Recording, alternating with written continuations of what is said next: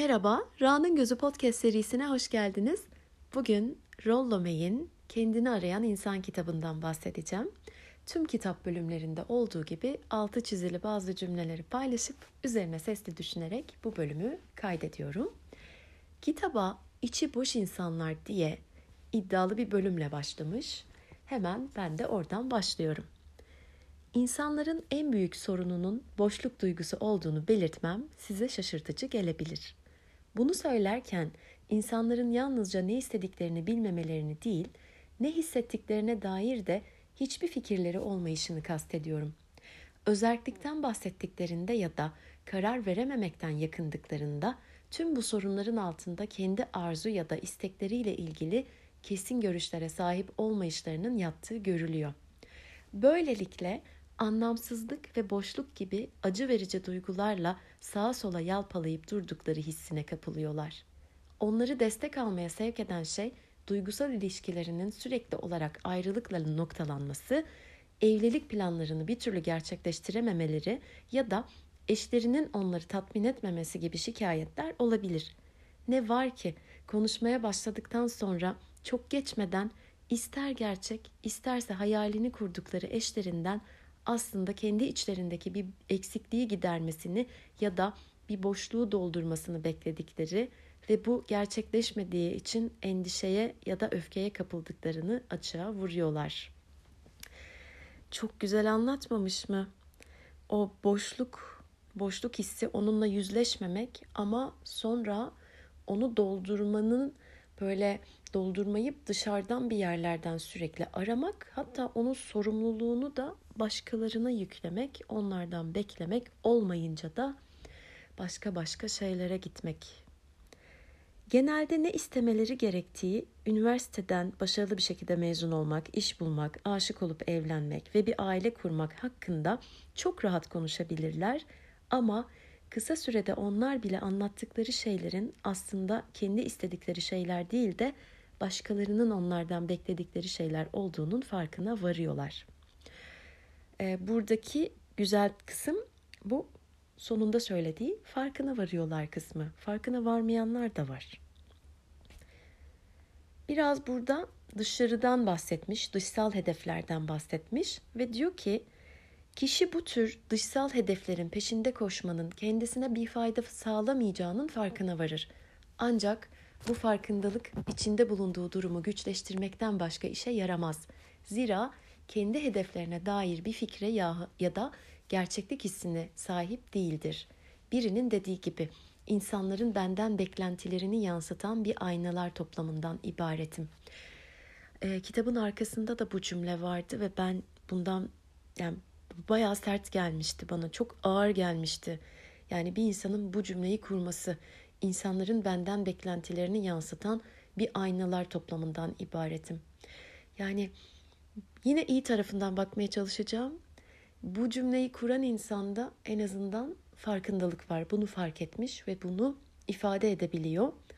Ama burada söylediği gibi bazen o farkındalık bize acı verebilir, durumu güçleştirebilir. Farkındalık bazen acıtır. Ama bu da bir seviye, bir level, bir bir aşama aslında.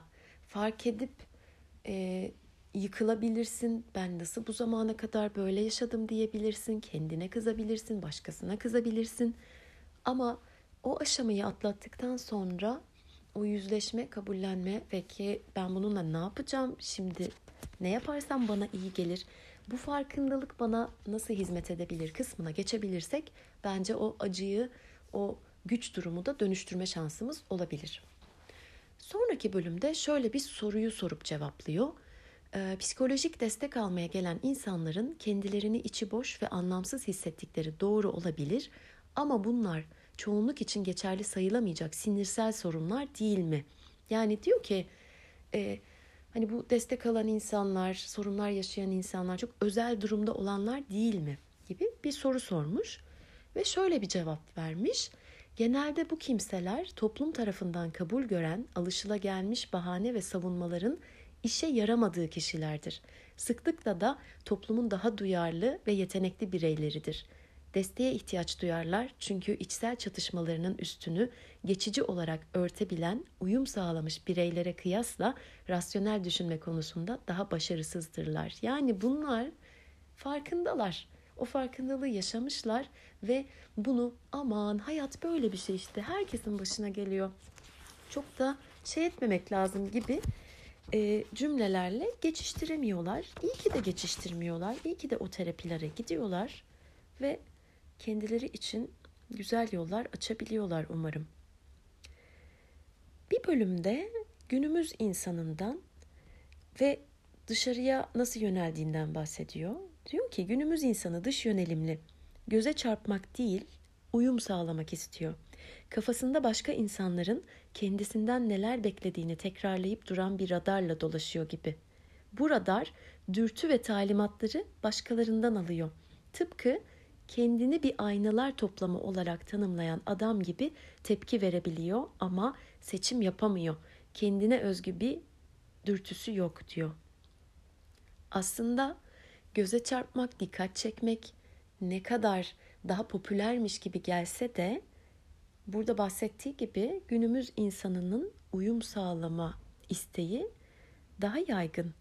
Çünkü e, ancak o şekilde e, devam etmek, o toplum içinde kabul görmek belki de bu aynaların toplamı olan adam gibi. Peki buradan mesela fark etti. Nasıl çıkacak? Benim aklıma tek bir çözüm geliyor. O da otantik olmakta bir şeyleri geçtim. Hani o hijyen faktörleri hani fark ettin, kabullendin, bununla yüzleştin. Otantik olmaktan başka da çare göremiyorum. Hemen ürün yerleştireyim. Otantik olmakla ilgili bir bölüm yapmıştım. Boş geçen bir hayata dair en belirgin imge hafta içi her gün aynı saatte uyanıp kent merkezindeki iş yerine gitmek için aynı saatteki trene binen, ofiste her gün aynı işleri yapan, aynı yerde öğle yemeği yiyip garsona her gün aynı bahşişi bırakan, her akşam eve aynı trenle dönen, 2-3 çocuğu olan, küçük bahçesiyle ilgilenen, hoşlanmadığı halde her yaz deniz kıyısında iki haftalık bir tatil yapan, her Noel ve Paskalya günü kiliseye giden ve 65 yaşında emekli olduktan kısa bir süre sonra bastırılmış öfke nedeniyle kalp krizi geçirerek ölen banliyö insanıdır. İçten içe hep sıkıntıdan öldüğüne dair şüphelerim olmuştur diye bir felaket senaryosu paylaşmış. Okurken içim sıkıldı. Yakın zamanda kardiyolog bir arkadaşımla bir akşamı geçirdik ve böyle ben koçlukta, mentörlükte karşıma çıkan bazı böyle iş buraya, işi buraya vardıran ve benim sonrasında işte onların bazı itiraflarından sonra artık bir dakika durun bu konuyu bir kenara bırakalım. Ben sana, şimdi sana bir şey söyleyeceğim. Böyle devam edersen muhtemelen sen yani kalp krizi geçirip öleceksin dediğim insanlardan bahsettim kendisine. Kendisi de kendisine gelen böyle hastalardan bahsetti aslında bir yakınlık ve samimiyet kurulduktan sonra bir şeyler ortaya döküldükten sonra çok farklı insanların ya da çok farklıymış gibi görünen insanların hikayeleri hep aynı yerde birleşiyor.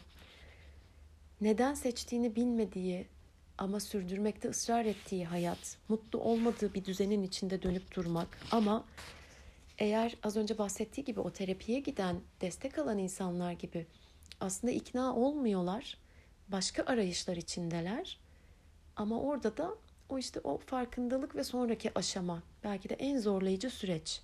Bunları fark ettim. Mutlu değilim. Ee, belki çok konforluyum. Ama ben bununla ne yapacağım? Şimdi ne yapacağım? Ya da yapabilecek miyim? Buna cesaretim var mı?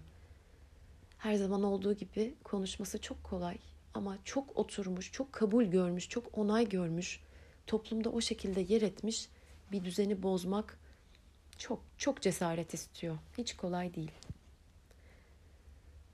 Görünüşe bakılırsa konformizm neredeyse dinsel bir mertebeye yükseltilmekte.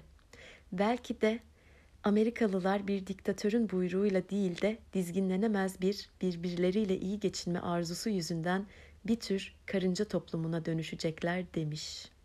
Yani yine aslında onay, kabul, toplum beni dışlamasın, yalnız kalmayayım Herkes beni beğensin, herkes bana okey versin ihtiyacı.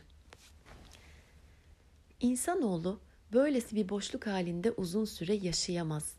Eğer bir şeye doğru ilerlemiyorsa sadece durgunlaşmakla kalmaz. Biriken gizil güç hastalık hali ve çaresizliğe eninde sonundaysa yıkıcı eylemlere dönüşür. Boşluk duygusu genellikle insanların hayatlarına ya da içinde yaşadıkları dünyaya ilişkin etkili bir şey yapmaktan aciz olmalarını hissetmelerinden kaynaklanır. İçsel boşluk duygusu kişinin yılların birikimiyle hayatına yön verme, başka insanların ona olan davranışlarını değiştirme ya da içinde bulunduğu dünyayı etkileme gücünün olmadığına dair inancının bir sonucudur. Yani aslında bizi o hiçlik denizine atan şey de bu. Yani hiçbir şeyde etkim yok, hiçbir şeyde anlam bulamıyorum, anlam yaratamıyorum. O zaman neyim? Hiçim. Böylelikle günümüzde pek çok insan gibi derin bir çaresizlik ve anlamsızlık hissine kapılır ve istekleriyle hisleri gerçek anlamda bir fark yaratamayacağı için çok geçmeden istemek ve hissetmekten vazgeçer. Duyarsızlık ve hissizlik de endişeye karşı birer savunma yöntemidir. Kişi sürekli olarak üstesinden gelemeyeceği tehlikelerle yüzleştiğinde nihai savunması bu tehlikeleri hissetmekten kaçınmaktır. Buradan da hikaye nereye geliyor? Hissetmemek için kendini uyuşturmak, uyutmak zorunda kalıyorsun ve herkesin bunu yapma yöntemi farklı. Kimisi gidiyor, e, açıyor Netflix'i, üst üste bilmem kaç sezon dizisini izliyor. Kimisi kendini dışarılara vuruyor. Kimisi gidiyor bir şeyler içiyor, kimisi bir şeyler yiyor. Herkesin bu e, kendini çevirdiği tamponları, kendini uyuşturduğu davranış ya da maddeler farklı. Bunlar da neye sebep oluyor? Belli bir noktadan sonra bağımlılıklar. Ama bu aslında arada bir tampon, paravan. Onu fark ettikten sonra onun üstüne gitmek, onunla ilgili ne yapacağını düşünmek, yardım almak ve genelde hani bir bağımlılıkla ilgili bir şeyle ilgili terapiye başlarsın mesela. Sanırsın ki seanslar boyunca o konuyu konuşacaksın. Ama öyle olmuyor aslında. Girişte diyorsun ki ben bunun için geldim ama sonra bambaşka şeyler konuşmaya başlıyorsun. Şu aralar e, terapiye yönlendirdiğim ve terapilerini e, izlediğim insanlardan en çok duyduğum şey bu. Yani ben şunun için gitmiştim ama onu hiç konuşmuyoruz. Konuşmayacaksın. Çünkü aslında sen böyle ifade etmediğin, yüzleşmediğin, kaçtığın, adını koyamadığın şeyleri ortaya çıkarmak için aslında o terapiye gidiyorsun. Ve geldik yalnızlık bölümüne. Şu ya da bu parti ya da akşam yemeğine davet edilmelerinin öneminin aslında gerçekten gitmek istemeleri ki genelde giderler ya da bu buluşmadan keyif alarak arkadaşlık deneyimlerinin paylaşılması ve samimiyet duygularını yaşamak olmadığının altını çizerler diyor o insanlar için. Yalnız olmadıklarının bir kanıtı olarak davet edilmek önemlidir. Yalnızlık çoğu insan için öylesine güçlü ve acı verici bir tehdittir ki tek başına olmanın pozitif yanlarını algılayamazlar ve hatta kimi zaman yalnız kalma ihtimalinden korkarlar. Çoğu insan yalnız olduklarını anlama korkusundan muzdariptir ve bu yüzden kendilerini asla bulamazlar. Aslında burada kitabın adı kendini arayan insan ve bu sayfada belki de buna e, en büyük ipucu verilmiş, en büyük çözüm verilmiş. Yani o yalnız kalamayan insan için ne diyor? Bu yüzden kendini asla bulamaz. Boşluk ve yalnızlık duyguları el ele ilerler. Örneğin insanlar duygusal bir ilişkideki ayrılıktan bahsettiklerinde kahrolduklarını ya da kendilerini küçük düşmüş hissettiklerini değil de boşluk duygusuna kapıldıklarını söylerler. Bir kimse ötekinin kaybının içinde esneyen bir boşluk yarattığını söylemişti diye eklemiş. Bu da aslında şunu çok güzel açıklıyor. Birlikte birlikteyken mutlu olmadığını hisseden, mutlu olmadığından emin olan, bunu ifade eden insanlar birlikte olduğu kişiden de bazen uzaklaşamıyor. Her şeye rağmen o ilişkiyi bozmuyor, o düzeni bozmuyor. Neden? Burada bahsettiği gibi. Yani e, belki de ayrılınca o kişiyle ilgili bir duygusu yok, bir şey yok. Ayrılık acısı, aşk acısı çekmeyecek ama o ondan sonra oluşacak boşlukla nasıl yüzleşeceğini, nasıl başa çıkacağını bilmediği için orada devam ediyor. Yalnızlık hissinin bir başka önemli nedeni de toplumumuzun sosyal kabul görmeye verdiği değerdir. Bu endişemizi azaltmak için ya da bir prestij işareti olarak başvurduğumuz başlıca yöntemlerden biridir. Dolayısıyla sonsuza dek aranan ve asla yalnız kalmayan biri olarak toplumsal başarıya ulaştığımızı kanıtlamamız gerekir. Bir bölüm yapmıştım hatta iki bölüm yapmıştım şey kitabından The Courage to be Disliked. Ee, ben onu ne diye çevirmiştim? Beğenilmeme cesareti, sevilmeme cesareti. O kitapta da bunun üstünde duruyordu sürekli. Yani sen onay görmeme, onay almama cesaretine sahip olmadığın sürece kendi hayatını yaşayamayacaksın. Ve öbür tarafa gidersen burada bahsettiği gibi toplumda çok alkışlanan bir şey. Çok isteniyorsun, çok seviliyorsun. Kalabalıklar içindesin, sürekli her yere davet ediliyorsun. Hiç boş zamanın yok. Ama ne yapayım? Oradan oraya yetişeceğim. Kendime nasıl zaman ayırayım diyorsan işte o kapanın içindesin. Geçici bir süreliğine de olsa her şeyden uzaklaşmak için yalnız kalmayı istemek de hoş görülebilir. Ama kişi katıldığı bir partide dinlenme ya da kaçış yöntemi olarak değil de sadece keyfini çıkarmak için yalnız kalmak istediğini söylerse insanlar onda bir tuhaflık olduğunu, dışlanmışlara özgü bir aurayla dolaştığını ya da bir tür hastalığa yakınlandığını düşünürler. Ve eğer bir kimse zamanının çoğunu yalnız geçiriyorsa insanlar onun başarısız olduğunu düşünme eğilimindelerdir. Çünkü akılları yalnız kalmayı seçebileceğini almaz. Burada akıllarının altını çizip akıl derken diye soru işareti koymuşum. Bence yeterince iyi bir açıklama. Ah. Her gün aynı insanların buluşmasına, aynı kokteyllerin içilip aynı konulardan konuşulmasına ya da aynı boş lafların edilmesine rağmen bu atlı karınca gibi ardı arkası kesilmeyen partilerin sürdürülmesi son derece önemlidir. Önemli olan şey söylenenler değil, herhangi bir sohbetin sürekli devam ediyor olmasıdır. Sessizlik büyük suçtur. Çünkü sessizlik yalnızlığı hatırlatır ve korkutucudur. Buna şunları da ekleyebiliriz. Mesela asla sessiz bir ortamda tek başına kalamama durumu. Çoğu insanın yaşadığı bir şey. Belki dönem dönem, belki her zaman. O yüzden mutlaka bir ses açılır. Bir radyo, bir televizyon, bir podcast, bir müzik, biri, biri davet edilir, kalabalıklara girilir. Ama o kaçtığın şeyle 5 dakika, 10 dakika, 15 dakika yüzleşince, içine girince belli bir noktadan sonra aslında şifalı tarafına geçiyorsun ve e, sanıyorsun ki ilk başta ilk hissettiğin rahatsızlık dakikalarca, saatlerce sürecek. Halbuki belli bir noktadan sonra sana iyi geldiğini görüyorsun ama oraya gidene kadar başta bir cesaret lazım. Mecazi olarak söylemek gerekirse memnun etmeye çalıştıkları şey ayrılık, yalnızlık ve diğer insanlardan uzak kalmanın sembolü olarak ölümün hayaletidir diye bitirmiş bu bölümü.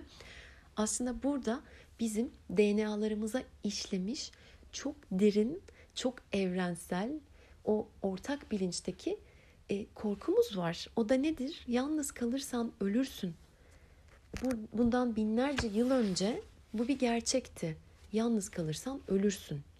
Aç kalırsın, tehlikelerden korunamazsın. O yüzden o toplulukla birlikte olmak zorundasın. Bu da bizim artık hücrelerimize kodlanmış bir şey. O yüzden sessiz, yalnız, ıssız kaldığımız zaman aslında çok derinde yüzleştiğimiz şey ölüm korkusu. Sosyal kabul görmek, bir başka deyişle beğenilmek, yalnızlık hissini uzak tuttuğu için son derece güçlüdür. Kişi tanıdık bir sıcaklıkla çevrilidir, gruba uyum sağlamıştır. Psikanalizde sembollerin en uç noktası ana rahmine dönüşte olduğu gibi emilmiştir sanki. Yalnızlığını geçici bir süreliğine de olsa unutmuştur. Fakat bunun bedeli başlı başına bir benlik olarak varlığından vazgeçmektir. Ve onu uzun vadede yalnızlıktan yapıcı bir şekilde kurtarabilecek tek şeyi yani kendi içsel kaynaklarını, gücünü ve yönelim duygusunu geliştirerek başkalarıyla ilişkilerini bu temelin üzerine oturtmayı reddeder. Ne kadar birbirine yaslansalar da bu doldurulmuş insanlar eninde sonunda daha da yalnızlaşmaya mahkumdurlar. Ne de olsa içi boş insanlar sevmeyi öğrenmelerini sağlayacak bir temelden mahrumdurlar. Çok doğru ama çok ağır bilgiler bunlar. Özellikle burada bahsettiği şeyi çok uç noktada yaşayan insanlar için bunu duymak, algılamak, bununla yüzleşmek çok çok zor olmalı. Ee, ben her zaman şunu düşündüm kendim için de ya da deneyimledim. Ben ne kadar kendimle kalabiliyorsam, ne kadar kendimle iyi zaman geçirebiliyorsam, yüzleşebiliyorsam diğerleriyle birlikteliğim o kadar güzel oluyor. Ya umarım onlar da öyle düşünüyordur. Bence düşünüyorlar. Bazen konuşuyoruz bunu. Yani böyle kendine yakıt almak gibi bir şey. Zaten sen öyle oldukça diğerleriyle de daha iyi oluyorsun. Diğerlerine de daha iyi geliyorsun. Daha iyi, daha kaliteli ilişkiler yaşıyorsun diye düşünüyorum. Bir fikir olarak buraya bırakayım. Trajedilerde bizi sarsan unsur, yerimizden edilmeye dair içten içe beslediğimiz korku. Bu dünyada ne ve kim olduğumuza dair sergilemeyi seçtiğimiz görüntüden çekilip alınmanın sonucu olan yıkımdan kaynaklanır. Yani aslında içten içe çırpınıyoruz. Beni yerimden etmeyin, konforumu bozmayın. Ama çok mutsuzum. Olsun, siz yine de bozmayın. Danışmanlık çalışmalarında haftada defalarca kez insanların kendi kendilerine yalan söyleyemeyecekleri gerçeğini en sonunda kabul ettiklerinde ve en sonunda kendilerini ciddiye almayı öğrendiklerinde içlerinde bulunduğunu önceden bilmedikleri ve çoğunlukla olağanüstü güçteki iyileştirici güçleri keşfederler. Aslında bu terapilerde hani e, gidiyorsun şey zannediyorsun başta gittim bana iyi geldi ya da gittim doktor beni iyileştirdi, terapist iyileştirdi. Öyle olmuyor. Aslında sen orada kendinle kalıyorsun, kendinle yüzleşiyorsun. İçeride ne var ne yok onlara bakıyorsun. Tabii ki birinin yardımı ve şahitliğinde ve desteğiyle ama orada aldığın aksiyonlar, kendini kendinin iyileştirmesi, orada bulduğun şeylerle yüzleştiğin ve keşfettiğin içsel güçlerinle oluyor. Ve bence bu çok güzel bir şey. Çok sihirli, çok büyülü bir şey. Hemen Harry Potter dünyasına ışınlanmış gibi hissettim. O halde bizi bekleyen görev nedir? Yukarıdaki analizden çıkarılması gerekenler açık. İçimizdeki güç ve bütünlüğün kaynaklarını yeniden keşfetmeliyiz. Tabii bu da birliğin temelini oluşturacak olan içimizdeki ve toplumumuzdaki değerlerin keşfi ve doğrulanmasını da beraberinde getirir. Fakat kişi öncesinde değerlendirme becerisine sahip olmadığı yani uyduğu değerleri aktif bir şekilde seçip doğrulamadığı sürece hiçbir değer ne o kişiler ne de toplum için yeterince etkin değildir. Bireyler bunu yapmalıdır. Böylelikle tıpkı orta çağın çöküşünü Rönesans'ın takip etmesi gibi bu sorunlu zamanların ardından eninde sonunda ortaya çıkacak yeni ve yapıcı toplumun temellerini atmış olacaktır. Yani aslında hepimizin kendimize karşı şöyle bir sorumluluğu var. Kendi rönesansını başlatmak. Aa çok çok havalı. William James bir keresinde dünyayı daha sağlıklı bir yer haline getirmek isteyenlerin işe önce kendilerinden başlamaları gerektiğini söylemişti. Biz de bu söylemi bir adım ileriye götürerek içimizdeki güç merkezini bulmanın uzun vadede insanlığa yapabileceğimiz en iyi katkı olacağını belirtebiliriz. Diyerek notlarımı, altını çizdiğim yerleri burada bitireceğim. Bu kitabı çok sevdim ben. Bana çok iyi geldi.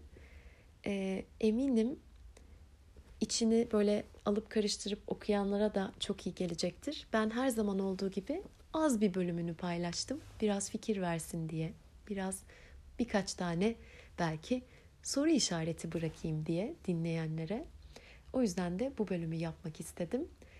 Israr etmeyeceğim ama hani ben bunları okurken, düşüncelerimi paylaşırken böyle zihninde ışıklar yanan, kafa sallayan, şöyle bir durup acaba mı diyen kişiler bu kitabı alıp okursa güzel olabilir diyerek bu bölümü burada bitiriyorum. Sonraki bölümlerde görüşmek üzere. Hoşçakalın.